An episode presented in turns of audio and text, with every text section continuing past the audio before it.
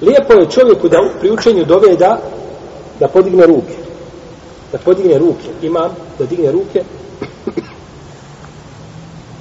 Jer je došao od Enesa ibn Malika, kada je koji bliži ima Mahmud i Behefe koja je vjerodostojna,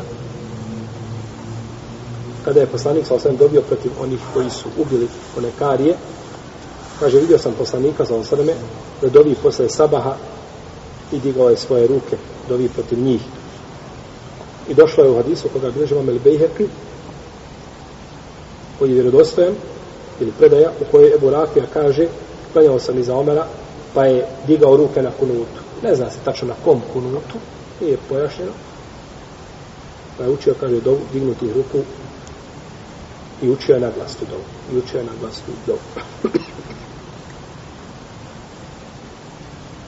I Ebu Horeire je dizao svoje ruke na kunutu u mjesecu Ramazanu.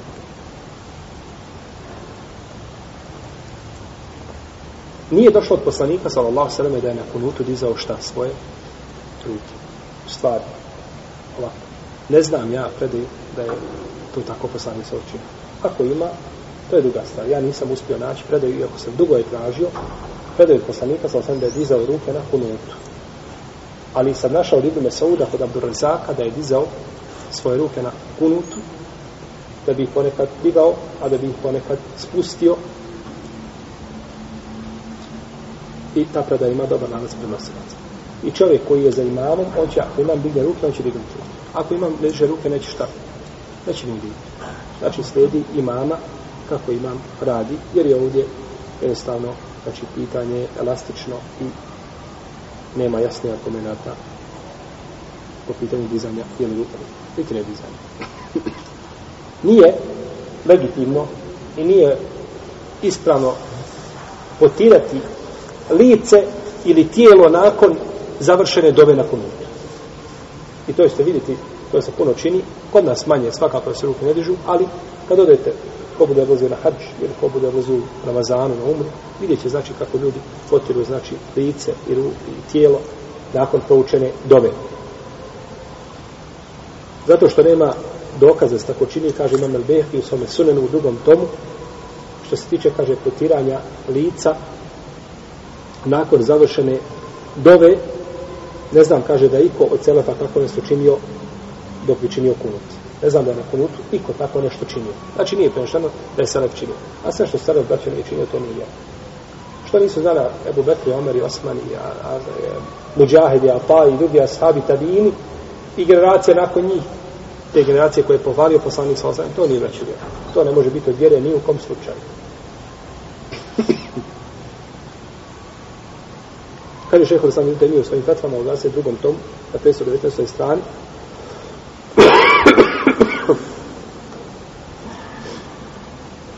وأما مسح وجهه بيديه فليس عنه صلى الله عليه وسلم فيه إلا حديث أو حديثان لا يقوم بهما حجة والله أعلم A kaže što se tiče toga da je poslanik sa osanem potirao svoje lice rukama nakon što je završio sa dovom, o tome od njega nema nego jedan ili dva hadisa koji ne mogu poslužiti kao argument.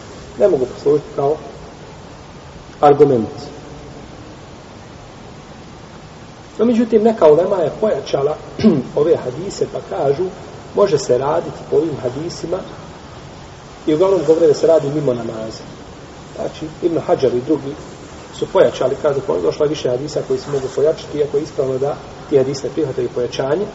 Iz toga je Ibn Bilaiz kazao ne potira lice nakon dove osim prava neznalica. Osim prava neznalica. No, međutim, to je, opet kažemo, razilaženje među lemom, pa ne treba uzeti ni riječi Ibn Bilaiza kao, jeli,